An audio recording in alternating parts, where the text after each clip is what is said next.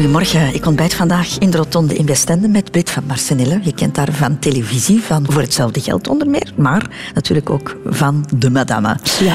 Goedemorgen, Brit. Goedemorgen. Recht aan de ontbijttafel, zonder eerst te gaan wandelen, dat is niet van jouw gewoonte? Nee, dat klopt. Normaal uh, had ik nu al een wandeling met de hond gemaakt. Ja, soms heel vroeg, hè? Heel vroeg half zes in het park. Mhm. Ja, maar ze is er niet, dus uh, ik kon een beetje uitslapen. Is dat jouw ideale manier om de dag te beginnen, even buiten? Ja, ik zet mijn koffie, ik neem die mee en dan ga ik met haar naar buiten. Tussen de bomen, niet echt in de natuur, want het is in de stad. Mhm. Maar het is wel mijn manier van wakker worden. Maar met ja. zicht op zee zal het ook wel gaan, zeker? Amai, absoluut. Ja. Radio 2. De Rotonde met Christel van Dijk. Aan de ontbijttafel vandaag Brit van Marsenille, een van uh, onze madammen.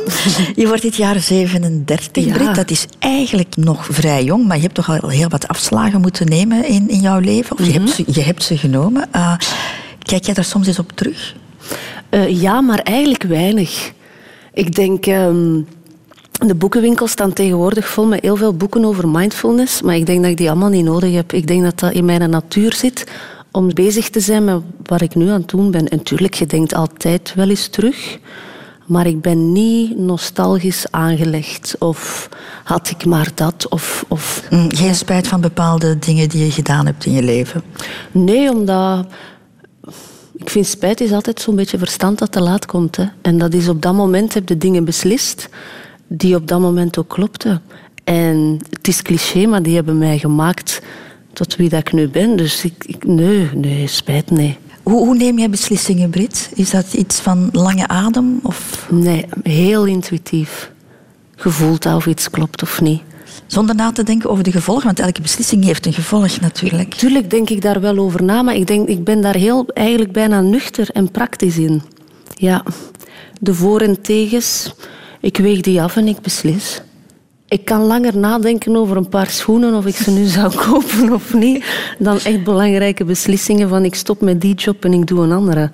En blijf jij lang hangen op één afslag? Of? Nee, ik denk dat ik er al duizend genomen heb. En alle duizend even interessant. Je bent een bekend persoon, Brit, dus dat betekent dat jij ook een Wikipedia-pagina hebt op het internet. En daar staat onder meer dit op te lezen. Brit van Marsenille, 20 juni 1980, is een Belgische radio- en tv-presentatrice. Na haar middelbare studie studeerde Van Marsenille dramatherapie in Nederland. Nadien ging ze al gauw aan de slag als rapper bij Catnet. Tot op heden combineert ze Radio 2 De Madame en het populaire 1-programma Voor hetzelfde geld. Voilà, dat is allemaal uh, informatie over jouw professionele leven, maar niks over de periode daarvoor. Nu, en daar is toch wel de kiem gelegd, denk ik, van de persoon die jij bent geworden in jouw jeugdjaren. Dus, we hebben wat opzoekingswerk ah, gedaan oei. in dat verband. En Han Koeken heeft jouw Wikipedia-pagina wat vervolledigd. Brit van Marsenille is geboren op 20 juni 1980 als derde opeenvolgende dochter. Een bevalling die een kleine schok teweegbracht, bekend papa Karel. Het was de derde baby en uh, het was voorzien dat dat een jongen zou worden. En dat heeft een grote geel van mijn ex-echtgenote veroorzaakt in uh, de materniteit. Maar de charme van de kleine Brit veroverde meteen de harten van haar ouders en ook in de kleuterklas liet ze menig hartje sneller slaan. Zo snel zelf dat Brit reeds in de tweede kleuterklas in het huwelijksbootje stapte, herinnert papa Karel zich. De kleuterjuf, een zekere zuster Janne, die heeft een mooi huwelijksfeest in elkaar gestoken. Maar dat heel de kleuterklas en zelfs alle kleuterklassen hebben aan kunnen deelnemen.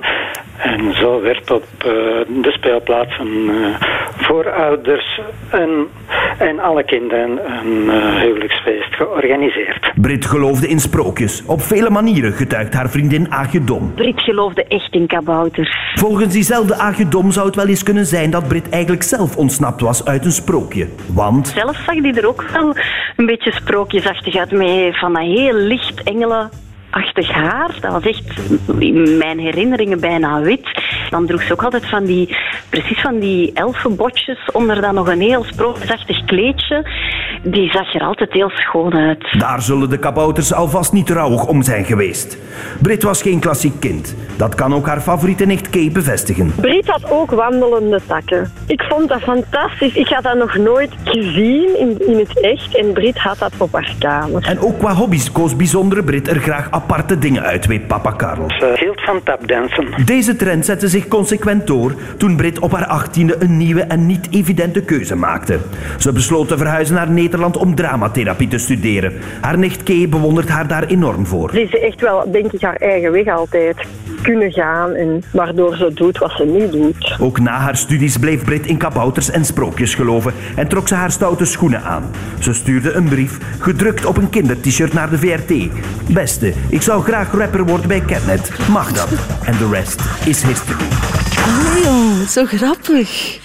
Dat is een stukje jeugd dat voorbij komt. Hè? Hoe hebben jullie die gevonden? Haha, wij zijn eh, detectives als het Maar erop aankomt. Sherlock Holmes kan nog wat van ons leren. Ongelooflijk. Zeg maar, ach je dom. Die zegt Ja. dat jij geloofde in kabouter, maar ik heb even bekeken. Jij hebt Aag leren kennen toen je ongeveer twaalf Ja, was. dat is eigenlijk de vriendin die ik het langste ken. Ja, en nog altijd goed ken. En dat is, oh, dat is goud waard, hè, zo iemand. Ehm, ja, van mijn Maar op je twaalf. twaalfde nog geloven in kabouters. Maar ja, ja. Meen je dat nu? Of is dat een soort van naïviteit? Of... Naïviteit, tuurlijk is dat naïviteit. Maar dat, ik denk dat dat zo eh, een beetje te vergelijken is met misschien iemand die overleden is, geloofde ergens ook nog wel dat die er is. Ook al is die er niet meer, maar je gelooft dat graag, omdat dat u even doet ontsnappen uit, uit ja, de realiteit, de maatschappij, uit... uit, uit ja.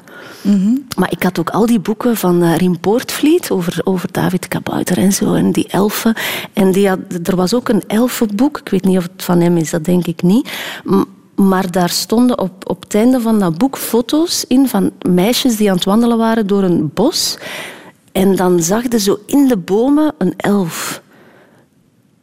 En toen, dat was zwart-wit, fotografie bestond nog maar net. Dus dat, dat kon niet gefotoshopt zijn. Dus ik was daar helemaal mee weg. Maar jij kon me alles wijsmaken vroeger. Ik geloof dat allemaal. Brit van Marsenille, de eerste afslag in het leven is geboren worden. Daar heb je niet voor gekozen. Ah, dat eh, overkomt je. En ook de plek uiteraard waar dat gebeurt. Want dat bepaalt ook heel veel in jouw leven. Je was de jongste van drie meisjes. En zoals je papa daarnet al zei, eigenlijk hadden ze een jongen verwacht. Ja, ik denk dat er wel een lichte teleurstelling was bij die twee. Ja, dat ik geen jongen ben geworden. Maar het grappige is ook, vind ik, dat jij iets van... Ja, iets jongensachtig ook over jou hebt. Ehm, het is heel raar om dat over uzelf te zeggen. Maar ik ben, ja, ik weet het niet. Ik ben, ja, ik, ik durf veel, ik doe veel. En ik draag geen hoge hakken. En was je een wild meisje? Ja, dat denk ik wel. Ja, ik ben eh, veel op mijn gezicht gegaan, letterlijk. Regelmatige tanden gebroken, hè? Ja. ja, gewoon doen, hè, meedoen. Ook een beetje stoerdoenerij en zo. Hè. Ik heb nooit met Barbies gespeeld of zo. Die had ik ook gewoon niet. Waren jouw zussen Ja. anders? Ja, nog altijd. Wij zijn met drie zo verschillend, ook fysiek. Wij lijken ook totaal niet op elkaar. De glimlach een beetje, maar voor de rest. En wij staan met z'n drieën zo anders in het leven, maar komen wel daarin heel goed overeen. Dat is heel tof. Drie kinderen, drie, drie meisjes. Jullie scheren niet zoveel eh, in leeftijd, maar het gebeurt wel eens in een gezin met drie kinderen dat er één iemand uit de groep valt. Ja, ik denk sowieso, mijn, mijn, mijn zussen qua leeftijd liggen dichter bij elkaar. En toen was ik er met een pa- ja, paar jaar tussen. Dus sowieso, mijn twee oudste zussen deden meer samen in mijn beleving. Maar ik heb dat nooit aangevoeld als, als uit het bootje vallen, totaal niet. Voor mij nog altijd zijn dat zo. Dat zijn mijn grote zussen. En, Ben je, ben je dan beschermd opgegroeid? Ehm, ik vind dat niet, nee.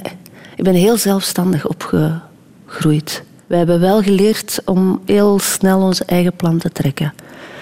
En dat is niet altijd simpel, maar tegelijkertijd is dat ook een cadeau, want je kunt wel op je eigen benen staan, al vrij jong.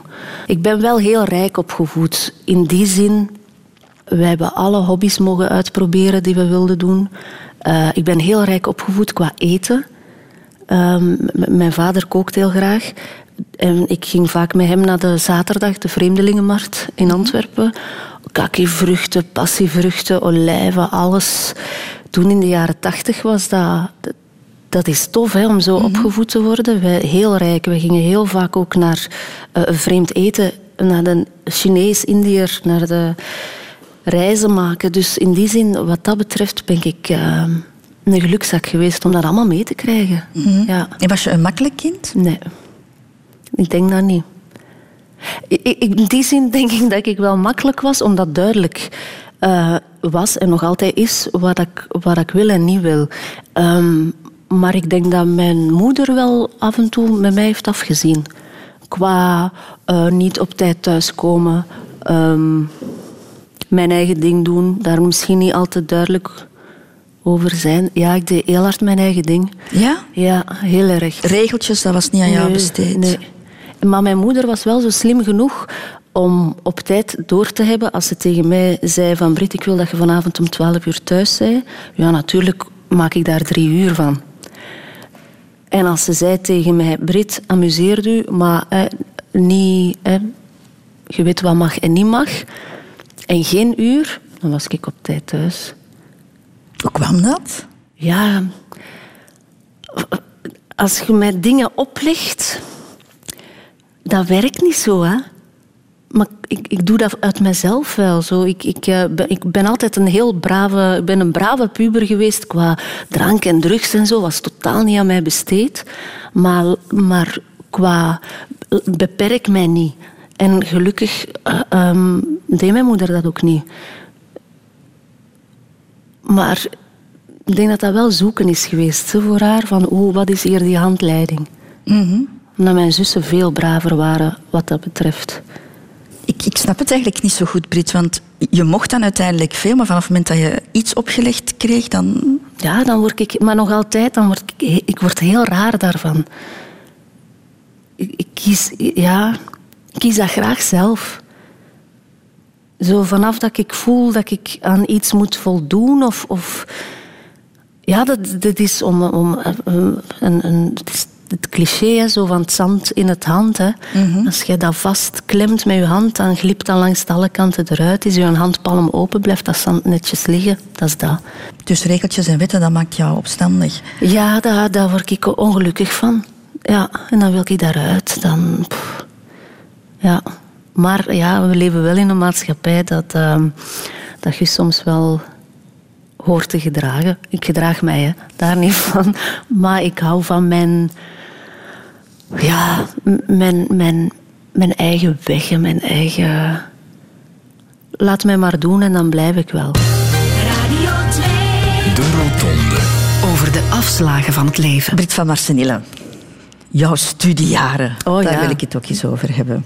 De welke? Want Uh, je hebt er een zijn leuk veel, deel en we, een we niet gaan we, leuk gaan, deel. we gaan aan het niet leuke deel beginnen. Moet dat echt? Ja. Waarom waren dan die schooljaren zo afschuwelijk? Ah, ik vond het verschrikkelijk omdat ik ben, uh, ik ben geen groepsmens. En een klas is een groep. En twaalf jaar lang moeten functioneren in groep, dat gaat niet. Ik deed dat niet graag school. En dingen leren die mij totaal niet interesseerden. Uh, je moet dat dan doen. En ja, je doet dat omdat dat nu eenmaal moet. Maar dat maakte mij niet gelukkiger, nee. Was je een opstandige leerling dan? Nee, helemaal niet. Ik deed dat zo niet graag dat ik daar bijna slaafs door werd. Zo, ik, uh, ik, ik, ik, implodeerde. Ik, ik, ik, echt, oh man, het gevoel al op die fiets en daar elke morgen naartoe moeten fietsen. En dan natuurlijk weer niet goed geleerd voor dat examen, omdat dat ik het niet leuk vond. Um, en dan die lessen en dan de bel, de speeltijd. Maar die speeltijd vond ik al even grote hel als een wiskundeles, want daar moeten met z'n allen dan dikke Bertha gaan spelen. Ah, ik, nee, nee, ik, ik, ik, zo te veel in groep. Het was er altijd druk en ja, nee. Is dat iets waar jij last van hebt? Drukte, te, ja, veel ja. prikkels? Ja, ja. Maar het is eh, heel erg, zelfs zodanig. ik deed dat zo niet graag naar school gaan. Dat als ik nu voorbij een school wandel en die schoolpoort gaat open, want uh, school is uit, dan benauwt mij dat nog altijd. Ik denk, oh mijn god, wat ben ik blij dat ik daar niet zit. Nog altijd. Hoe was dan jouw relatie met, met de andere kinderen in de klas? Ik, ik lag goed in, in, in de groep. Hè. Ik, ik, ik had vriendinnen en, en leuk en fijn. Maar ik vond het ja, te veel. Acht uur op een dag moeten in een groep dingen doen, wiskunde en zo, en, en breuken en logaritmen. En, ah, echt, Ah, ja, man. Maar had Ja. het feit dat je niet graag naar school ging er misschien ook mee te maken dat men zo laat ontdekt had dat er een, proble- een leerprobleem was, dat je die dyslexie had? Ja, dat weet ik niet. Ja, maar ja, toen... Wat is dat? Eind jaren tachtig. Dyslexie. Je hoorde het in Keulen donderen. Hè. Nu is dat algemeen goed. Ehm, maar toen niet. Ik denk dat dat er eerder mee te maken had. Maar ik heb daar nooit aan willen toegeven. Hè. Ik was dan wel degene die... die ik denk, het, mensen nu zullen niet merken dat ik dat heb. Ik heb mijzelf zo... Ik was dan heel streng voor mezelf, omdat ik daar niet een slachtoffer van wilde zijn. Ik, ik, ja, ik heb zoveel bijlessen gehad en, en eh, alles van buiten geleerd. Mijn, ik, ja, ik het trainde mijn geheugen enorm. Ik dacht, als ik het niet kan, dan kan ik het wel weten. En dan leer ik het gewoon allemaal van buiten en dan ga ik geen schrijffouten maken. Want ik leer gewoon van buiten hoe dat, dat visueel eruit ziet. Dat Pau AU is, dat is omdat ik dan visueel ja, van buiten leerde. Ah, dat, is, dat is niet mijn OU, maar mijn A, dat is mijn stokje meer. Oké, ik heb dat allemaal van buiten geleerd. Maar voordat je dat wist, dat je dat probleem had, dan moet je je toch verschrikkelijk gevoeld hebben als kind. Want je dat is maakte niet fouten. leuk. Ja, dat, dat, dat, dat, geeft een knak in je, je zelfvertrouwen vooral. Je kunt niet, zo, niet mee en je voelt je te dommerik. Ja, dat is niet leuk. Heb je daar ook positieve zaken uitgehaald? Eh, je kunt eh, u uit alles lullen. je wordt verbaal omdat je niet wilt dat mensen het merken. En omdat schrijven lastiger is, dan gaat het vertellen. Ehm, spreekbeurten was ik top in. Hè. Zo toneel, dan, van, ja, dan gaat je, ja, je compenseert dat door dan te spreken in plaats van te schrijven. En je hebt ook hard door leren werken. Heel hard, ja, dat heb ik echt gedaan. Ja. Na het middelbare onderwijs, Brit van Marsenille, ga jij in Nederland studeren. Dat zijn al twee afslagen in één klap. Uit huis gaan en dan ook nog eens naar het buitenland. Ja, ik heb daar heel graag gewoond. Ik heb daar vijf jaar gewoond, denk ik. Ja, Maar je wou weg. Je wou echt weg Ja. thuis. Het was tijd om je vleugels uit ja, te ja, slaan. ja, sowieso. En ik wou ook weg uit, uit Antwerpen. Ik, eh, Antwerpen is een hele toffe stad, maar ook een beetje een dorp. En ik had goesting om, om in nieuwe mensen, in een nieuwe omgeving. Heb je daarvoor moeten pleiten? Nee, helemaal niet. Dat was meteen oké. Ons Brit gaat naar Nederland. Ja, ik doe dat dan gewoon. Ik vraag dat zelfs Ah, niet. oké. Ik heb een studiebeurs aangevraagd. Ah, heb je allemaal zelf gedaan? Ja, en ik, heb, eh, ik, ik, ik werk toen ook bij als student. Ik heb dat gewoon gedaan. En jij ging zonder schrik daar naartoe, want dat was to- totaal onbekend terrein waar je naartoe Ja, ging. maar ja, je spreekt dezelfde taal en, en, en alles is... Het is niet dat je naar een Arabisch land gaat of, of eh, naar Thailand om daar iets te gaan. Allee, dan, dan is het wel lastiger. Maar Nederland, dat is vlakbij, hè. Nee. Ik woonde daar ook echt. Ik was absoluut niet de student die dan vrijdagavond met de was terug bij de mama stond. Nee, ik deed, nee, ik deed het allemaal zelf. En ik woonde daar echt graag. Ik woonde daar ook echt. Ik werkte daar ook in het weekend. Ja. En je hebt daar dramatherapie gevolgd. Ja.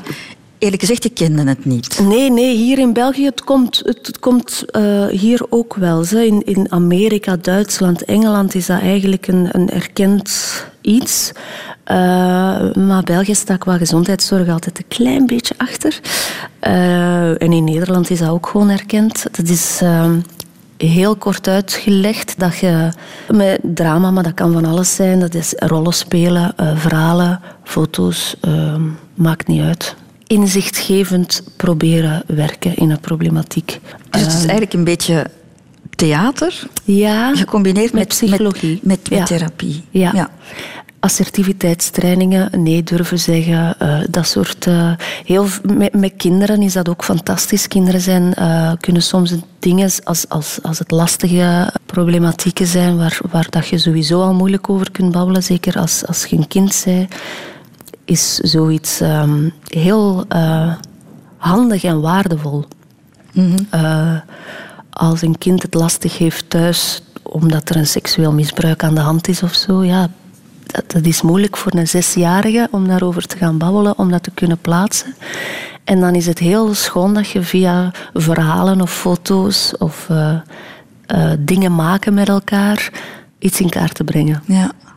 Lijkt mij wel een heel ingrijpende studie, ook Ja. voor jezelf toch? Ja, daarom dat ik ben daar wel in afgestudeerd, maar ik heb eigenlijk nooit iets met dat diploma gedaan, omdat oh, ik nam dat allemaal naar huis. Ik, ik- ja, dat plakte aan mijn lijf. Ik vond dat heel, eh, heel heftig. Ik heb eh, stages gedaan in, eh, de laatste was in een traumakliniek in Nederland. En dan sta je daar als 24-jarige en dan denk je, oeh, amai, even niet, dit is echt heel moeilijk. Ja, en daar heb ik heel schoon dingen kunnen doen. En, en, eh, maar pff, nee, ik ben toen ehm, na het studeren teruggekomen naar België en ik dacht, even luchtige dingen. En dan zien we wel weer. Is dat dan een goede keuze geweest? Ja, goh, ik denk, zoals heel veel mensen, mocht ik nu terug 18 zijn, had ik andere keuzes eh, gemaakt. Maar tegelijkertijd, met wat ik nu doe, denk ik wel dat er, zonder dat ik het zelf besef of voel, dat ik daar wel iets aan heb gehad aan die studie. Maar ik had eigenlijk, als ik nu terug 18, dan zou ik zo hard voor dierenarts gaan. Dus echt jammer dat ik dat niet heb kunnen doen. Ik ben zelfs twee jaar geleden gaan informeren aan de universiteit of er toch alsnog een manier is. Ik dacht, ik doe twee dagen in de week de madame en dan ga ik daarna terug opnieuw studeren. En dan heb ik echt zo'n leerplan van is dat haalbaar of niet. Maar de conclusie was, en ik vond dat wel een, eh, nogal een bittere conclusie, ik ben wel te oud. Dan zit je bijna tien jaar je leven on hold, sociaal, vakantie. eh, Ja. Toen dacht ik, ja, dat is een... eh, dat is stevig, ja. Dus eigenlijk een afslag die je niet meer hebt kunnen nemen. Ja. Moet voor jou wel heel confronterend Ik vond dat heel moeilijk. Zo gewoon de conclusie, ik ben, oh, ik ben misschien gewoon te oud. Oei. Ja, ik vind dat echt heel jammer. Ja. Ik denk dat ik een keigoeie dierenarts had geweest. Ik denk dat echt. Brit van Marsenille, rond jouw achttiende gaan jouw ouders uit elkaar. Ja. Heb je dat voelen aankomen? Mm, ja, eigenlijk wel. Die waren al lang niet meer zo gelukkig met elkaar. Maar dat je dan ook echt daadwerkelijk hoort... ehm, we gaan uit elkaar, is dat... En tegelijkertijd een soort opluchting. En tegelijkertijd... Auw. Ja. Ik vond dat heel moeilijk. Ja. Niet zozeer dat ze uit elkaar zijn gegaan, maar de manier waarop vond ik heel lastig. Ik heb mijn vader toen toch bijna ja, tien jaar, misschien iets langer, niet gezien. Die was eh, met de Noorderzon vertrokken en ik heb die elke dag gemist. Ehm, en mijn moeder heeft zich heel goed staande gehouden, dat is echt straf. Dus eigenlijk van mijn 17, 18 was het ja, trek ook maar uw plan, want het ouderlijk huis werd ook te- meteen verkocht. Ineens, ja, dat nest was weg. En heeft jouw Ja. vader afscheid genomen Nee. van jullie? Nee. Die heeft wel een brief gelegd op tafel. Ik heb die nog altijd. Ehm, in zijn mijn vader kan goed allee, schoon schrijven, ook echt zo in een schoon schrift met schone zinnen. En dat was rond mijn verjaardag, dus die had wel een brief op tafel gelegd met een cadeautje erbij. Maar dat was het. moet verschrikkelijk zijn. Iemand die, die je vertrouwt en, en die, Ja, is uw vader, die, hè? die gaat dan weg. Ja, dat hoort niet zo te gaan. En tuurlijk betrekte dat dan op jezelf van... Oei, wa- wa- was ik dan zo niet leuk? Of niet, niet, niet de goede dochter? Of de... Ja, daar heb ik, ben ik heel lang mee bezig geweest met die vragen. Ik heb daar heel lastig mee gehad. Je hebt hem ook gezocht, hè? Ja, ik heb hem ook gezocht, maar dan op een gegeven moment... De dagen gaan verder en je probeert dan... Je probeert dan gewoon de dagen zo goed mogelijk in te vullen en je slaagt daarin. Je moet loslaten op een bepaald moment. Ja, wie zei dat zo schoon onlangs? Ah, Celleslags, de fotograaf. Die zei, het leven overkomt u en geschikt u daarnaar. Dat was echt dat. En soms had ik kleine hartverzakkingen. Mijn vader die reed met een rode Passat. En dan liep ik op straat en ja, elke rode Passat die ik zag... Ah nee, nee, nee, dat kan niet, dat is me niet. ja. En daaraan merkte wel hoe hard dat, dat wel in uw systeem of in uw lijf zit. Uh, hoe pijn missen kan doen. Zo hoe... En op een gegeven moment zijn drie jaar verder en dan zes jaar verder en dan acht jaar verder. En dan, dan begint het gemis als een soort warmte te koesteren van, en, en de schone dingen te zien die je wel had gehad. En het is ook de onwetendheid. Moest hij overleden zijn geweest, dan kunnen dat plaatsen ergens op een plekje. Maar ik wist dat hij nog wel ergens was. Alleen dat je niet weet dat ik, ik heb heel lang niet geweten dat ik hem ooit nog terug zou zien. En nu is hij wel terug. Hè. Dat is je hebt, je hebt hem oh. terug. Ja, ja sinds is, vijf jaar of zo is hij terug uh, bij ons. Dat is de max. Ja. ja, dat is heel fijn. En kan zoiets hersteld worden? Mm, natuurlijk is, is... Je hebt een gapend gat, hè. Dat nogal groot is. En van je 18 tot je 30 worden een soort van volwassen vrouw, of je doet toch een poging, dat heeft hij allemaal niet meegekregen. Voor hem moet dat... Eh, ineens was hij ook grootvader van uh, toen... Ja, van vijf kinderen. Ze waren er allemaal al, hè, van mijn zussen. Ja. ja, ineens is dat ook een opa. Voor hem moet dat, moet dat heel maf zijn geweest. Minder dan voor ons. En heb je ooit de verklaringen gekregen die je, die je nodig had? Ja, ja. En ik heb die, ja, omdat... ik, ik ben dan ook wel recht voor de raap en dan zeg ik wel, man, ik heb echt keihard gemist. Hoe, allez, hoe, hoe, hoe heb jij ons zo kunnen verlaten? Hoe, maar ja, dan... Ik begrijp hem wel ergens. Ik keur dat niet goed, hè. Dat, maar ik begrijp het wel dat je soms zo uh, moeite hebt met iets dat gebeurt dat je daar niet over kunt communiceren. En dan is de enige optie, de makkelijkste op dat moment, is gewoon je rugkeren en even, want dan is het er niet. Het was te pijnlijk voor hem en hij heeft voor de vlucht gekozen. Ja, ja. Maar hij heeft ons altijd wel gevolgd. Die weet perfect wat ik gedaan heb, dat ik bij Ketnet heb gewerkt en dat, dat weet hij allemaal. Dus die heeft ons even hard gemist als dat wij hem gemist hebben. Brit van Marsenille, dat kippenhok. Jij ging als kind in het kippenhok zitten mhm. om verhalen te vertellen jouw. Ja, en ook nog, erger nog, als ik zag dat ze het niet zo goed deden en zo op het einde van hun leven waren, dan, dan, dan haalde ik een kruk en dan ging ik in, dat hok zitten op mijn krukje en dan wiegde ik echt letterlijk dat kippetje totdat ze stierf. En dan ging daarvoor neurigen en liedjes zingen en zo. Oh ja, ik zag die graag hoor. Ik ging daar ook mee wandelen. Het is echt waar. Ik deed dan zo een klein zacht touwtje rond hun poot. En dan ging ik daarmee wandelen. oh mijn god. maar eigenlijk heel veel dingen komen hier samen. Hè? Jouw sociale bewogenheid, jouw, jouw liefde voor dieren. Want je hebt dan net verteld dat je eigenlijk wel dierenarts wilde worden. Maar ook dat ja, voor een podium staan, voor een publiek staan. Want op jouw tiende beslis jij dan om voordracht en dictie te gaan volgen. Ja, ik deed dat heel graag. Ja. Ik had een poging tot notenleer gedaan, maar ik heb dan drie keer het eerste jaar gedaan dus daaruit bleek dat ik toch niet zo muzikaal ben aangelegd. Zo ritmisch dicté, uh, zo pam, pam, pam, pam. En dan moest je dat noteren in noten. Ik hoorde het in keulen donderen. En ook weer te veel regeltjes voor oh, licht. Ik snap er, ja, dat zo altijd die, die lijntjes van die notenbalk dan tellen en die sol. ja, nee. Uh, dus dan ben ik mijn voordracht gaan doen. Ja, en dat, dat was het. Dat deed ik echt heel graag. Mhm. Hoe komt dat je nooit gedacht hebt om naar het conservatorium te gaan? Oh nee, ik ben geen speler. Nee, ik ben geen actrice.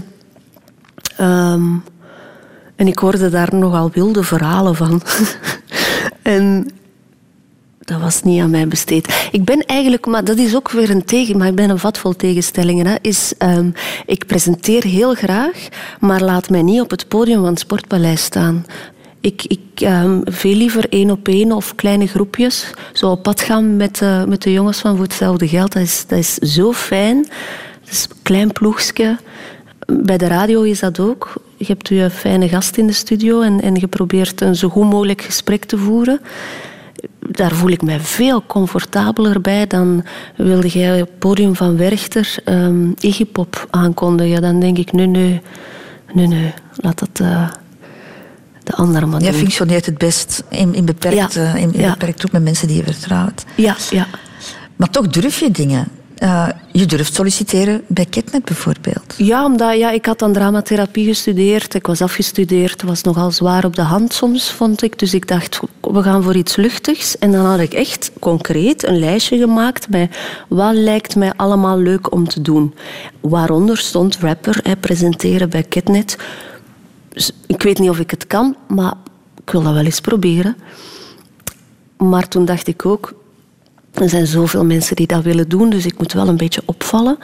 En dan heb ik mijn sollicitatiebrief op een kindert-shirt gedrukt. En zo het prijskaartje was dan mijn cv en zo. Ehm, en dat is dan wel opgevallen. En dan eh, ik, heb ik gewoon gevraagd, als jullie een keer screentest doen, mag ik dan eens langskomen? En ze waren bij toeval bezig. En een maand later ben ik begonnen. Dus dat is eigenlijk heel toevallig gelopen. En snel.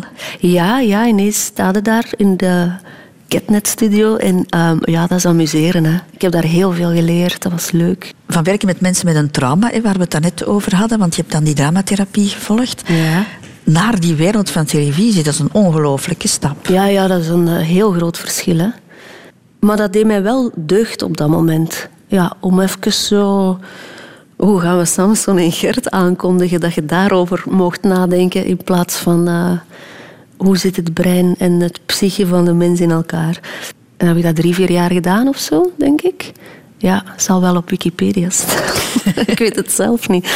Maar ook op een gegeven moment was dat ook genoeg. In 2008 stop je dan inderdaad 2008? Ja, ah, ja met, eh, met Ketnet. Je gaat dan eh, werken als ontwerpster voor Who's That Girl. Daar gaan we straks nog wel over hebben. Maar dat is wel een drastische beslissing die jij neemt. Ja, nee, dat klopte toen wel, omdat ik dacht, ik heb dat drie, vier jaar gedaan en, en ik wilde ook niet tot mijn 60 zo de rapper van Ketnet eh, blijven. Ik denk dat soort dingen, dat is gewoon te doen, maar je moet dat ook niet al te lang doen. En ik had daar heel veel geleerd. En de Ketnet Kroket bijvoorbeeld, dat was een spelletje toen dat je zo moest... eh, komt de kroket uit het sterretje, het hartje of het, eh, het driehoekje, denk ik. En dat is heel leuk om te spelen. Maar als je... Toen was dat allemaal live. En dan was er een omkering naar allemaal vooropnames. Ja, en dan moet op een gegeven moment tien ketnetkroketten achter elkaar spelen. En dan was de fun er een beetje af. Nu is dat allemaal terug live, wat heel goed is. Dus toen ja, merkte ik dat... Of als je zo'n reeks tekeningen laat zien van de kinderen... Als er zo'n tien moet doen achter elkaar, dan... Ja, dan verliesde je je goesting. En dat is jammer, dat kan niet de bedoeling zijn. Dus ehm, ben ik iets anders gaan doen. Maar met het risico dat televisie voor altijd een afgesloten hoofdstuk was geweest. Maar dat was ook mijn intentie. Dat ik nu radio en televisie maak, had, dat was helemaal niet de bedoeling of zo. Als ik al een bedoeling had. Maar ehm, dat is eigenlijk dan weer per toeval ontstaan. Ehm, maar dat ik toen met het net was gestopt, dacht ik, ja, dat is, dat is goed geweest. Ik ga nu andere dingen doen. Niet met oog op dat ik daar ooit ging naar terugkeren. Nee. En dat vond ik ook goed, hè. Het is echt een pad vol toevalligheden. Hè? Dat is echt waar, ja. Beetje een zondagskind wat dat betreft. Alhoewel dat ik er ook wel heel hard voor werk. Dat wel. De Rotonde. Radio 2. De liefde. Brit van Marsenille, daar wil ik het ook eens over hebben. Boeiend, hè? Ik vind van wel. Ik ook. Maar moeilijk. Heel moeilijk. Maar heel leuk ook, hè? En interessant. En het schoonste wat er is. Kijk jij tevreden terug op wat er op dat gebied gebeurd is? Ja, ja. Natuurlijk, zoals iedereen, zijn er wel mensen dat ik dacht... "Hmm, dat was raar eigenlijk toen. Maar ehm, ja, ik, ben, ik, ik heb al wel fijne, schone dingen gezien en gedaan. En met mensen die ik heb leren kennen onderweg. Ja, ja absoluut. Nu, jouw ouders zijn gescheiden. Heeft dat jouw kijk op de liefde beïnvloed? Maar ik denk dat niet. Nee, ik denk dat echt niet. Nee. Ik geloof er heel erg in. Ja? Ja, ja. Maar ik geloof er wel in Ehm, op een misschien iets minder klassieke manier. Ehm, ik denk dat wij mensen niet gemaakt zijn om eeuwig en altijd samen te blijven. Het kan ook bestaan en dat is net zo schoon. Maar ik denk dat het net zo schoon is om, om eh, een latrelatie te hebben. Of ik denk ook dat je van meerdere mensen misschien tegelijkertijd kunt houden. Ehm, ehm, ja, de maatschappij dringt ons graag en vaak iets op. Van man, vrouw en de kindjes en eh, het huisje, boompje, beestje plaat. Eh, maar ik pas daar niet zo goed in, merk ik. En ik word daar ook niet zo gelukkig van. En ik moet daar wel wat tegen vechten, merk ik. Om te doen wat ik... Ik ben bijvoorbeeld... Ik, ik woon niet zo graag samen. Ehm, en om dat oké te vinden. En waarom bleef jij niet graag samen met hem? Ah, ik doe dat niet zo graag. Ik vind dat zo gedoe. Ik, ben, ik, ik, ik kom me heel graag thuis, alleen. Ik vind dat fijn om een eigen plekje te hebben. En ik vind dat heel fijn als ik een liefje heb, dat hij ook zijn eigen plek heeft. En dat je bij elkaar wel hangt. Maar zo nodig Dat echt... je elkaar ontmoet dan ja, eigenlijk. dat maakt... eh, zo dat, dat echt samen altijd... En wie gaat koken en hoe laat zei jij thuis? En zeg dat topje op die tandpasta tube, je moet dat er eens echt op draaien. Ja, pff, dat is, ik vind dat zo ballast. Ik, vind dat, ik, doe dat, ik doe dat niet graag. Maar je kan van de andere kant dan ook zeggen... ehm, je kiest niet 100% voor iemand dan. Keihard wel. Ik Toch kan wel? echt zo graag zien. Ja. Ja. Maar je hebt ooit samen gewoond. Ja, en ik ben daar niet zo goed, niet zo goed in.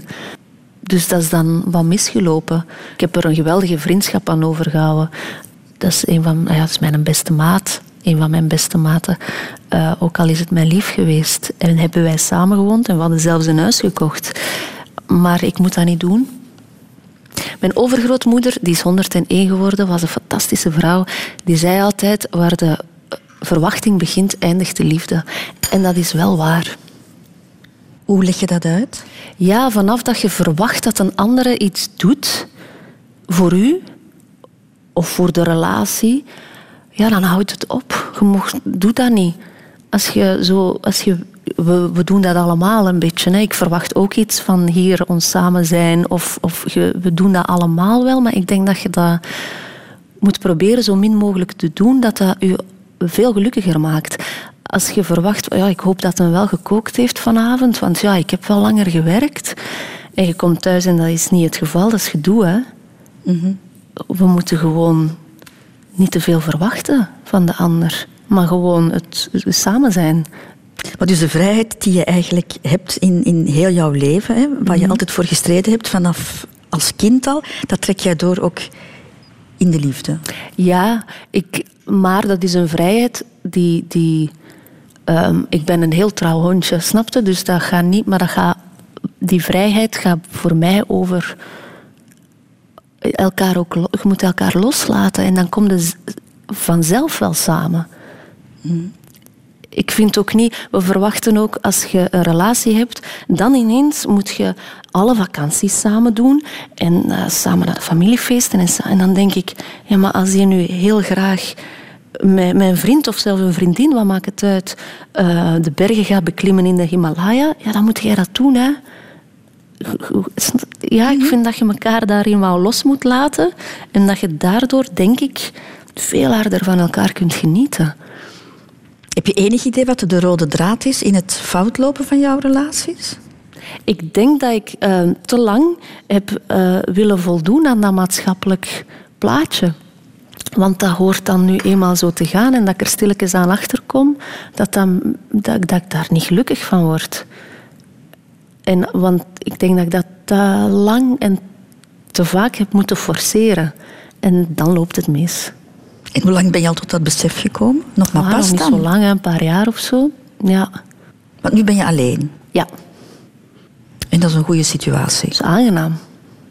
Ja, ik gedij daar ook wel goed onder, merk ik. Ik vind dat niet erg om alleen te zijn. Ik, eh, ma- maar ja, ik omring mij ook... Ik heb zo fijne vrienden.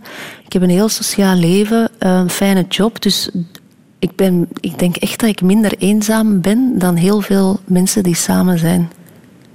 En je hebt ook goede vrienden, want dat is ook wel heel merkwaardig. Twee van jouw ex-lieven Ja. zijn, zijn jouw beste, beste. vrienden. Christophe en, en, En- en Mark. van Negen. Ja. ja.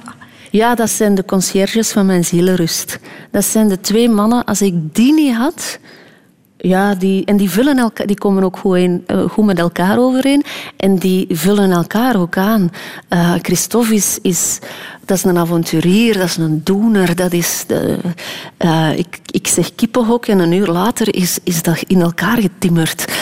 Ja, daar maak ik verre avontuurlijke reizen mee.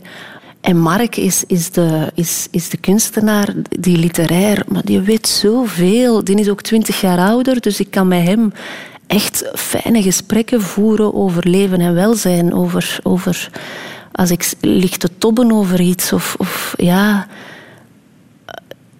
Of die, die weet echt heel, die weet zoveel.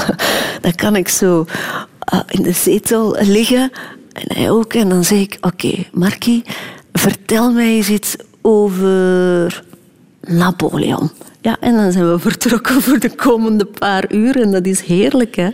Zo'n relatie kan alleen maar als er van de andere kant geen verwachtingen meer zijn. Ja, maar die zijn er ook niet en die zijn er langs mijn kant ook niet. En soms hebben zij ook een lief of zo. Hè. Dat kan allemaal en dat is tof, dat is schoon. Maar het moet wel een toffe zijn. Dat wel, dat is een voorwaarde. Je wil wel inspraak. Ja, het moet, allee, het moet allee, een kleine goedkeuring krijgen, maar dat krijgen ze gauw. Zo. Maar ja, het moet een toffe zijn. Brit van Martinel, ik zou het even willen hebben over jouw keuze. Ik hoop dat ik het goed zeg. Om het leven ten volle te omarmen en alle mogelijkheden te benutten en te ontdekken. Ja, Zo ben jij, hè?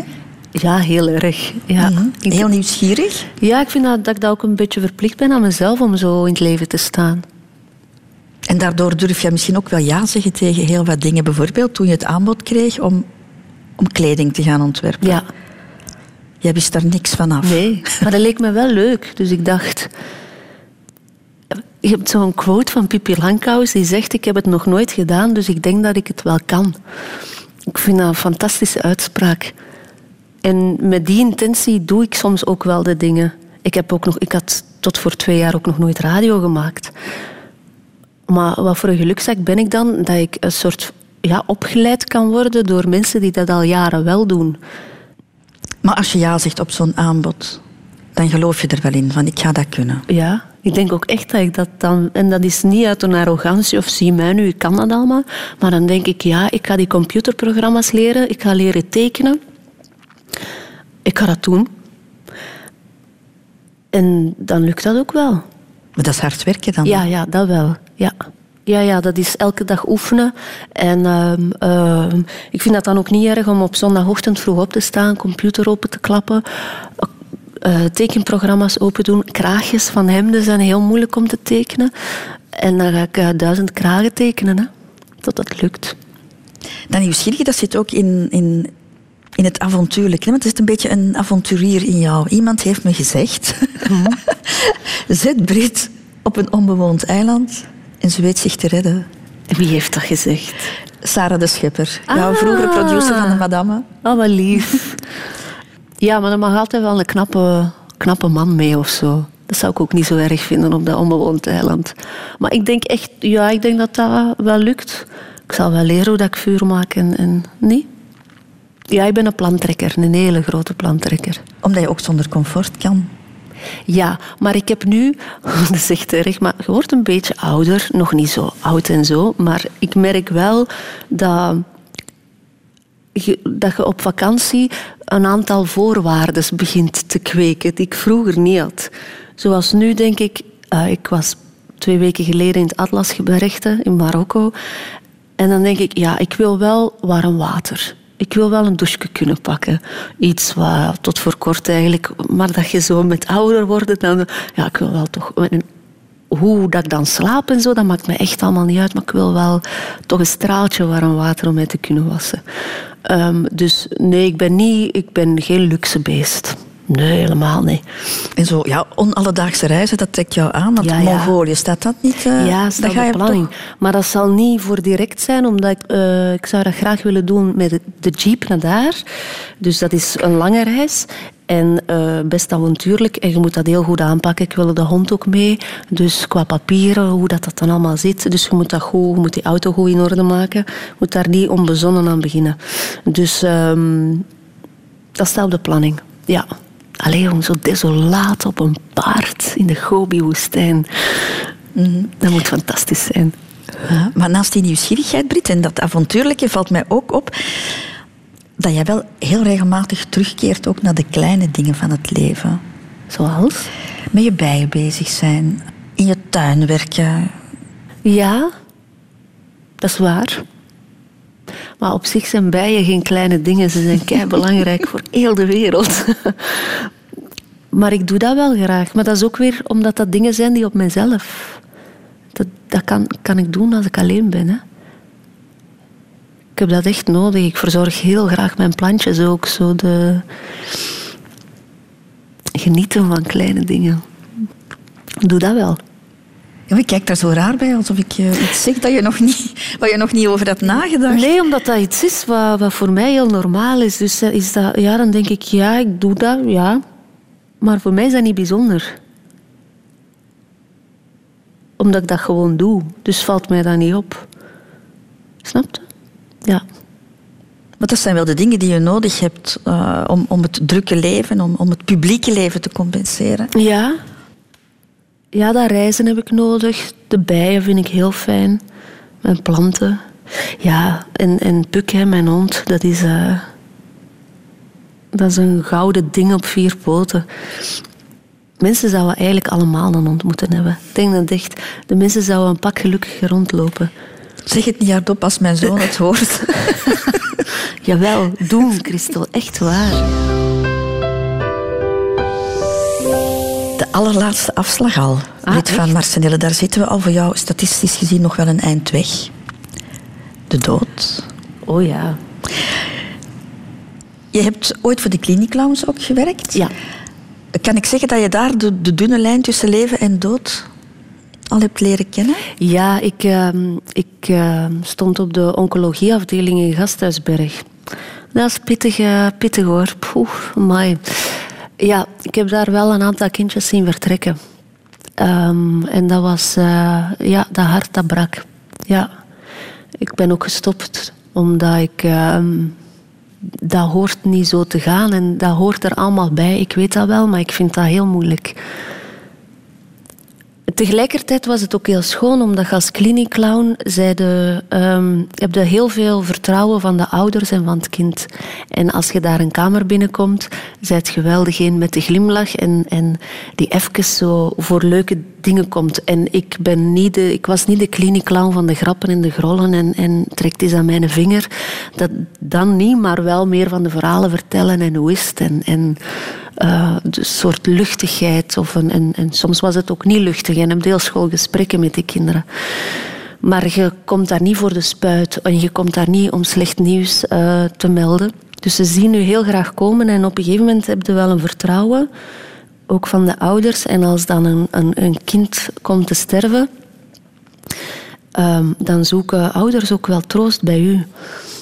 En dat is moeilijk. En als je dan eh, een moeder even omhelst of in je armen hebt, dan, eh, ja, dan voel je zoveel tonnen verdriet die je niet weggewerkt krijgt. Die...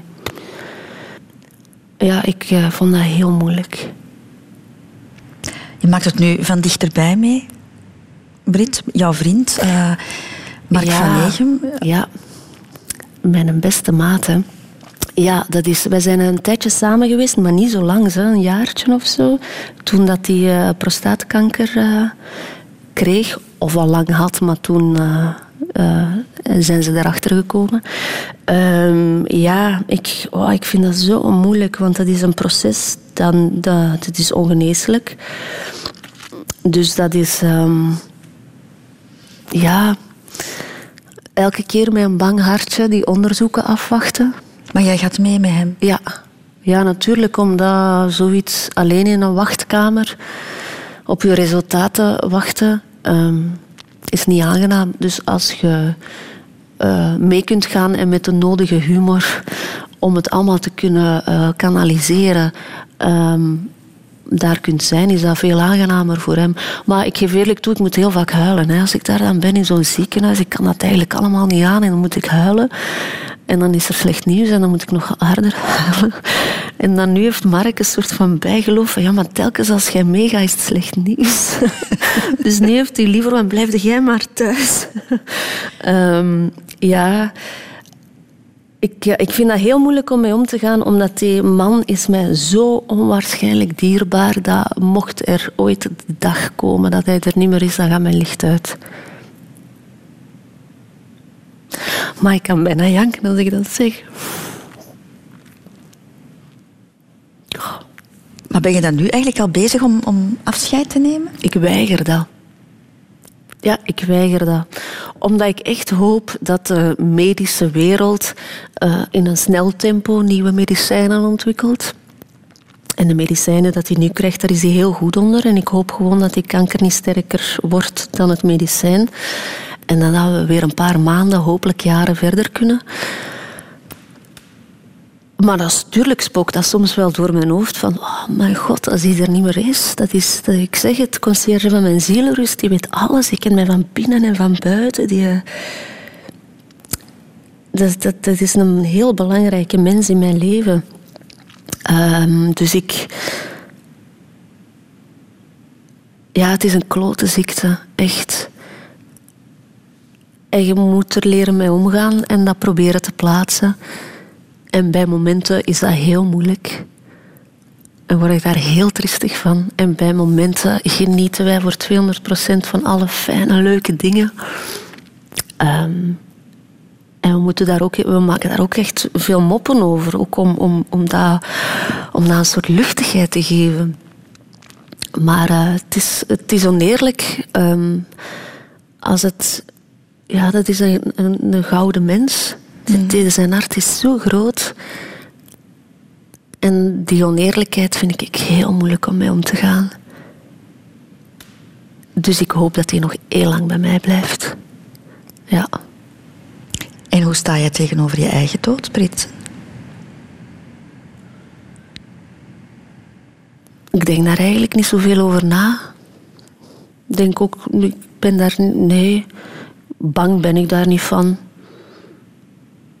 Mocht ik zo morgen plots doodgaan, stel dat, hè, dan kan ik echt alleen maar concluderen: ik heb, ik, heb er, ik heb zoveel toffe dingen gedaan. Dus ik hoop dat dat morgen niet gebeurt, want ik wil nog heel wat toffe dingen doen. Uh, maar dan ben ik wel heel content met wat ik allemaal gedaan heb. Ja, maar we gaan dat niet doen, hè, morgen. We gaan dat nog even uitstellen.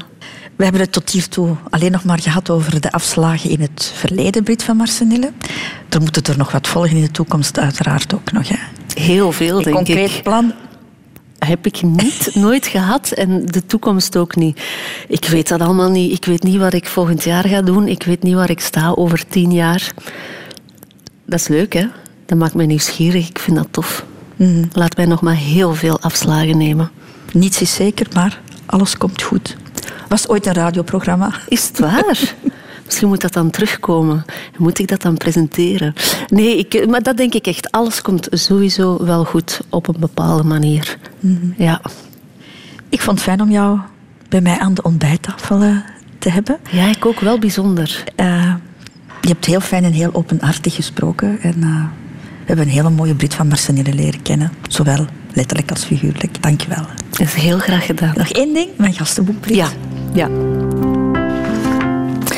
Lieve Christel met CH. Het is bijzonder om stil te staan bij de afslagen van het leven, om twee uur te praten over jezelf, leven en het welzijn. Het is zoals de grote meneer Toon Hermans zei: het leven is een gunst, te weten hoe is een kunst. Alle liefs, Brit met twee T's.